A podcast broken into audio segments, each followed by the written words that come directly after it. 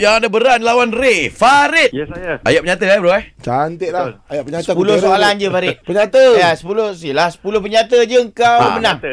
Boleh? Okey. Ah. Okey eh logik. Dah berdasarkan situasi. Dua orang Hmm. yang tengah tengok ah, konsert.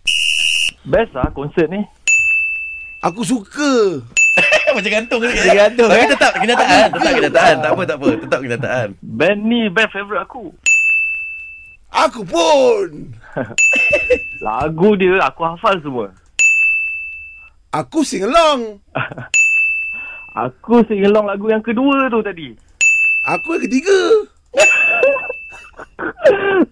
Uh, band yang kedua sebelum eh, selepas band ni aku suka juga. Yang itu aku tahu. Band yang seterusnya tu pun best. Aku layak je semua.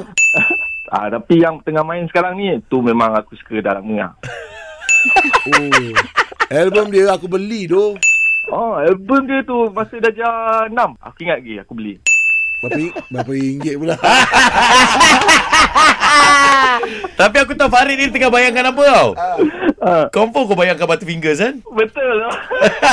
Farid, nak lawan Ray Ya. kena main penyata je.